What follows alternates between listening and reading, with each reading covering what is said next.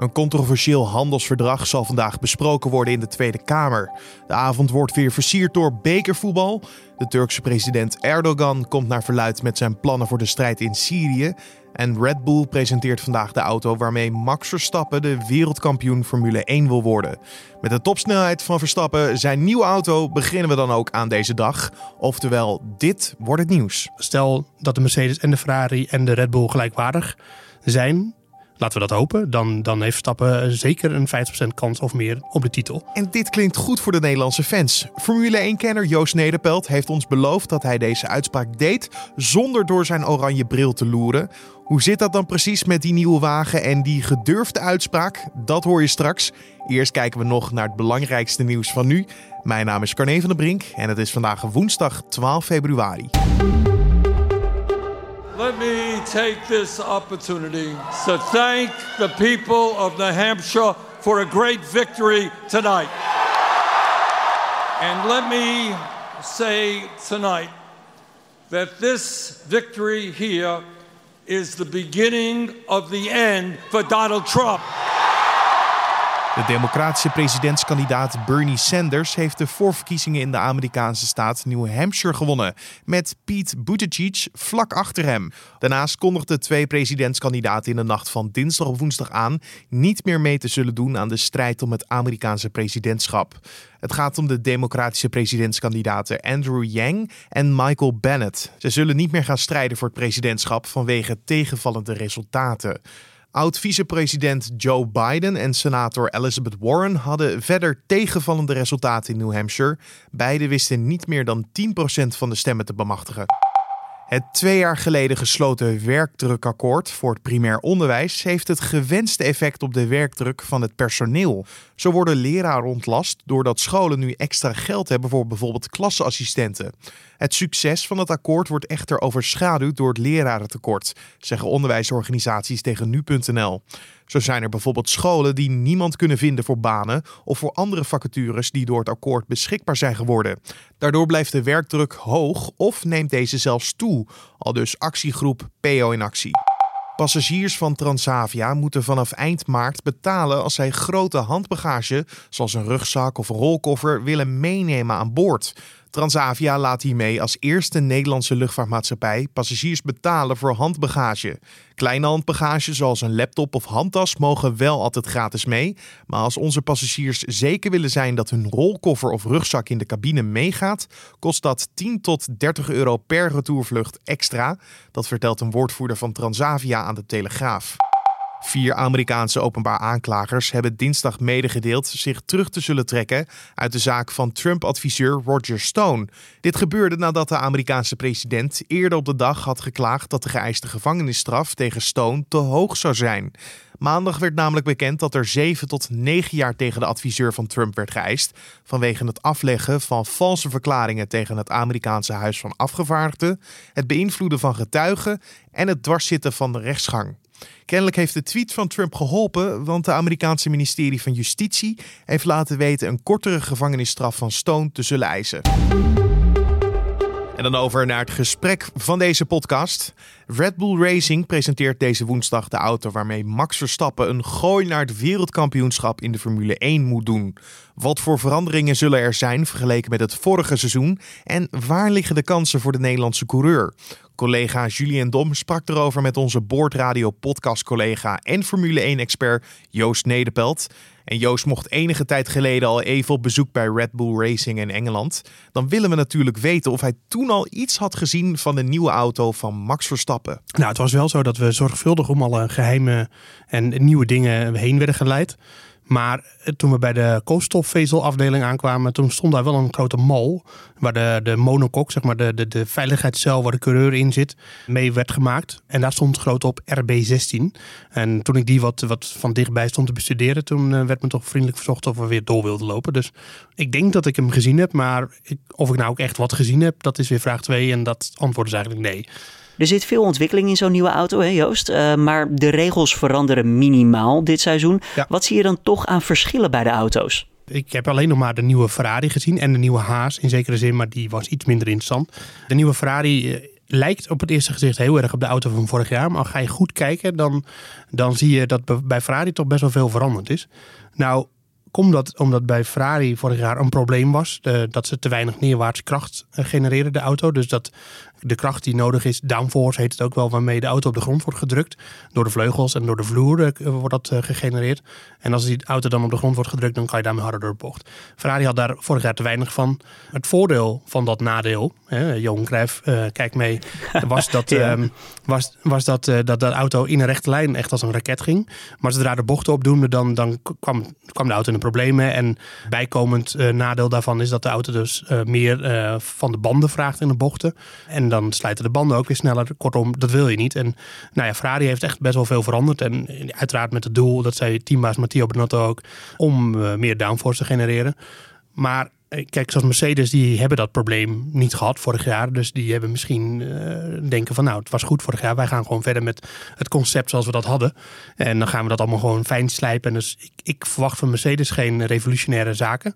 Um, nee, maar daarom wat je zegt, het is vooral een doorontwikkeling van de auto natuurlijk. Dus heeft dat eigenlijk wel zin? Want als je kijkt naar Red Bull, die hebben in de laatste seizoenen niks gewonnen qua kampioenschappen dan. Hè? Af en toe een race, maar ja. daar blijft het dan bij. Dan is het juist zaak natuurlijk om door te ontwikkelen en proberen Mercedes bij te halen. Dus elke winter is voor die teams een grotere kans om, om echt stappen te zetten. En uh, die hebben het hele seizoen naar hun auto gekeken en ook wel dingen veranderd. Want de ontwikkeling gaat eigenlijk het hele seizoen door.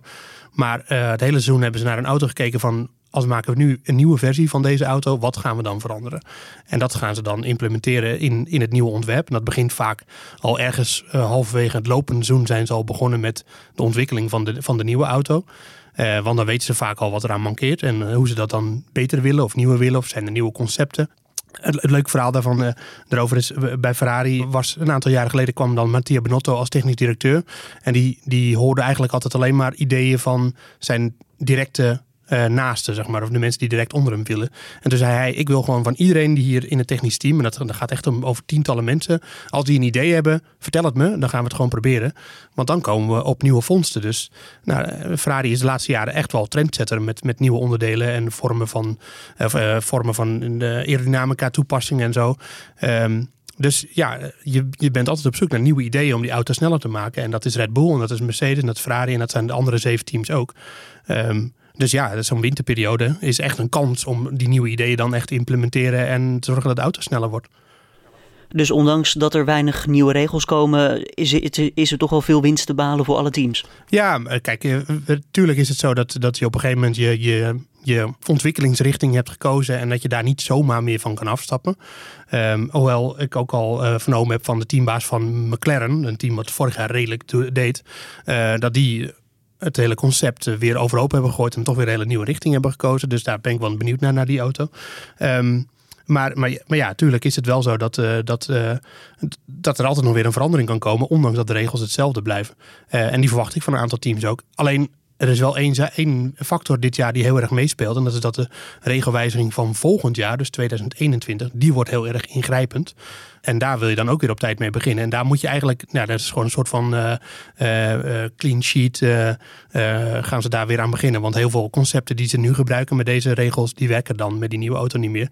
Dus het is voor teams ook zaak om daar niet te laat mee te beginnen. Want dan loop je in 2021 loop je weer achter. Maar tot die tijd wil Max Verstappen natuurlijk gewoon wereldkampioen worden. Het liefst dit seizoen al. Wat, wat, zijn een beetje zijn kansen, Joost? Nou ja, wat ik, uh, ik heb het natuurlijk over dat die, dat die regels bijna niet uh, veranderen dit jaar. En dat is normaal. Is dat een, een is het zo dat, dat, dat dan het veld dichter bij elkaar komt. Omdat er gewoon minder grote stappen gezet kunnen worden door teams. Um, en dat heb je in het verleden ook al een paar keer gezien. Dat, dat als de regels één of twee of drie jaar hetzelfde bleven, dat er dan, uh, dat er dan uh, conversie heet dat volgens mij, dat het, dat het gewoon dichter bij elkaar komt.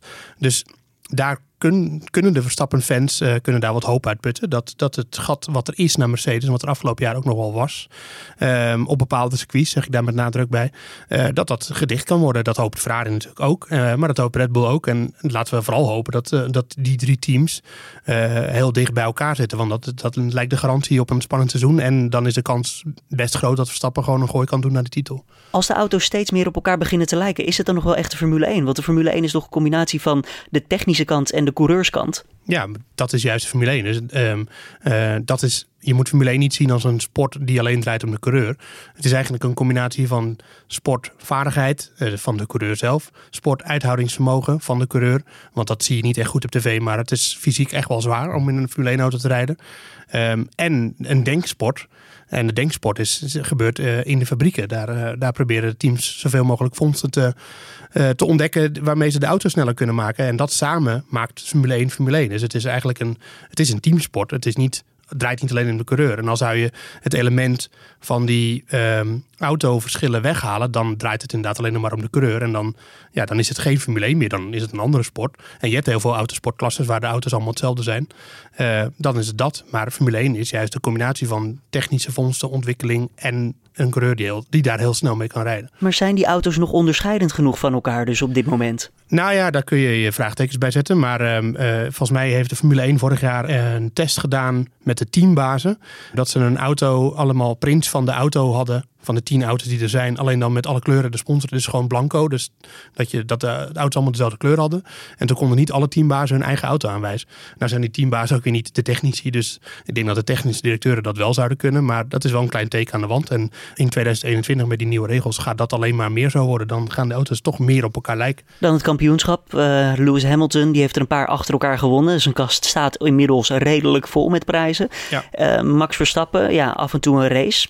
Ja, in hoeverre maakt hij kans om het wereldkampioenschap dit seizoen nog te pakken? Nou, ik denk dat die kans best groot is. Groter dan ooit uh, tot nu toe in zijn carrière. Mits uh, Honda en Red Bull inderdaad die aansluiting weten te vinden bij Mercedes. En dan kan hij één op één het gevecht aangaan met Hamilton en misschien zo nu en dan Bottas. En nou ja, Ferrari is een beetje een vraagteken, maar Leclerc en Vettel zal hij toch ook af en toe mee uh, te maken krijgen. Misschien wel meer dan we denken. Maar vooral dat één op één gevecht met Hamilton wordt natuurlijk heel interessant. En Verstappen heeft al een paar keer laten zien dat hij Hamilton in een één op één gevecht gewoon aan kan. Laatst natuurlijk nog in Brazilië. Dus dat is iets om naar uit te kijken. En ja, ik, ik ben uh, zonder oranje bril of chauvinisme zeer overtuigd van de kwaliteiten van Max Verstappen. En ik denk dat hij een van de beste coureurs van zijn generatie is of gaat worden. Stel dat de Mercedes en de Ferrari en de Red Bull gelijkwaardig zijn, laten we dat hopen. Dan, dan heeft Stappen zeker een 50% kans of meer op de titel. Zullen we daar ook al wat van zien volgende week bij de testdagen in Barcelona? Nee, uh, de, de, dus de, fout, de klassieke fout van Formule 1 volgers, en eh, dat heb ik zelf ook een aantal keer gedaan, is uh, je te veel laten leiden door de tijden die in Barcelona worden gereden. De tijden moet je eigenlijk niet al te veel naar kijken. Het gaat vooral om betrouwbaarheid. Het gaat vooral om wel de tijden. Dat klinkt een beetje tegenstrijdig. Niet de enkele rondetijden, maar de, ze doen af en toe ook race simulaties. Dan, dan zie je hoe ze over een langere afstand doen. En, en dan wordt het wat interessant maar rondetijden, daar moeten we gewoon niet te veel naar kijken. Maar toch kun je er al redelijk wat uit opmaken. En dat, uh, we gaan er naartoe en uh, we gaan proberen de mensen daar uh, van op de hoogte te brengen hoe, hoe het verloopt met Max Verstappen en de rest. Joost, even afsluitend. wat voor seizoen kunnen we verwachten dit jaar? Nou, ik ga ervan uit dat die, dat die samensmelting van het veld door het niet wijzigen van de regels wel gaat gebeuren. Dus dat het dichter bij elkaar zit. En, en ik denk dat het daardoor een heel leuk seizoen gaat worden. En ik, ik vraag me een beetje af hoe Ferrari gaat presteren. Maar ik denk dat Red Bull niet heel ver van Mercedes af gaat zitten. En uh, dat dat een hele leuke seizoen op gaat leveren. Alleen we weten het pas echt zeker uh, zaterdag in de kwalificatie in Melbourne. Als de, als de auto's voor het eerst echt volle bak gaan. Dan moeten we vooral vingers gekruist zitten. En dat, dat Hamilton of Bottas of allebei de Mercedes. En niet in ene weer een halve seconde voor de rest van het veld zitten. Want dan wordt het een lastig verhaal. Joost Nederpelt hoorde je daar in gesprek met collega Julien Dom. Volgende week zal het team van de Boordradio ook weer samen zijn voor een nieuwe podcast. Zoals gezegd zijn dan de meeste auto's onthuld. En komt het Boordradio team met een uitgebreide vooruitblik op de testdagen in Barcelona. Die kwalificatie waar Joost het zojuist over had, vindt plaats op zaterdag 14 maart. Australië is dan het eerste circuit voor de wereldtour van de Formule 1. En in Nederland wordt dit jaar ook gereden. De Grand Prix van Zandvoort zal worden gehouden in het eerste weekend van mei. En dan kijken we nog even wat er verder op de agenda voor vandaag staat. De Tweede Kamer bespreekt vandaag het controversiële CETA-handelsverdrag tussen Canada en de EU. Het akkoord is al goedgekeurd door het kabinet en het Europees Parlement, maar de Eerste en Tweede Kamer moeten zich nog buigen over de kwestie.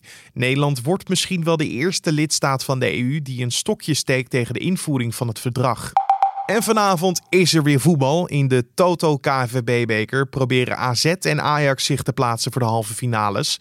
AZ speelt thuis om half zeven tegen NAC Breda, waarna Ajax om kwart voor negen op bezoek gaat bij Vitesse. Vandaag vindt de laatste inleidende zitting tegen Richard R., ook wel bekend als Rico de Chileen, plaats. R wordt verantwoordelijk gehouden voor grootschalige drugshandel en het geven van opdrachten van liquidaties. Ook zou hij er volgens het OM een samenwerking op na hebben gehouden met Redouan T. Naar verwachting vindt de inhoudelijke behandeling van de zaak plaats in juni.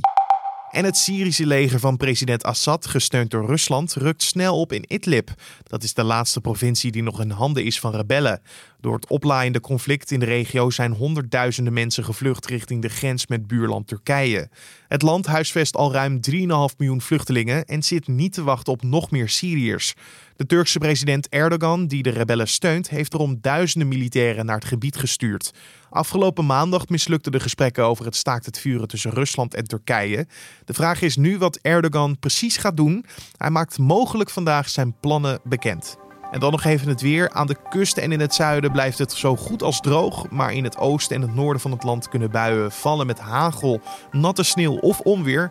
En er staat een westenwind die stormachtig is aan de kust. En in de loop van de dag neemt de wind steeds meer af. Het wordt tussen de 5 en 7 graden. En om af te sluiten nog even dit.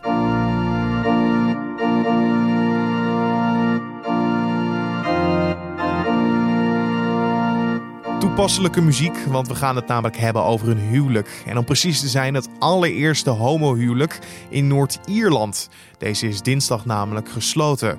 Het huwelijk tussen personen van hetzelfde geslacht werd namelijk in oktober 2019 gelegaliseerd. De gelukkigen waren Robin Peoples uit Belfast en Sharni Edwards uit Brighton. Onze liefde is persoonlijk, maar de wet die ervoor zorgde dat wij niet konden trouwen, heeft te maken met politiek, zei Peoples tegen BBC News.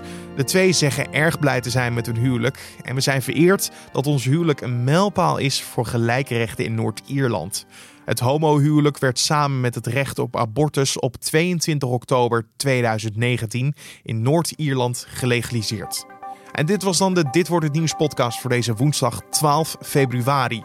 Je kan de podcast vinden elke ochtend om 6 uur ochtends op de voorpagina van nu.nl of in je favoriete podcast app zoals Spotify of Apple Podcast. Vergeet je dan ook niet te abonneren. Het is helemaal gratis en dan staat de podcast elke ochtend voor je klaar. Heb je ook feedback voor ons of heb je misschien een tip waar we misschien een keer aandacht aan kunnen besteden? Laat het ons weten via ons mailadres. Die luidt podcast.nu.nl. Mijn naam is Carne van der Brink. Ik wens je een hele mooie woensdag en morgen ben ik er weer. Dus tot dan.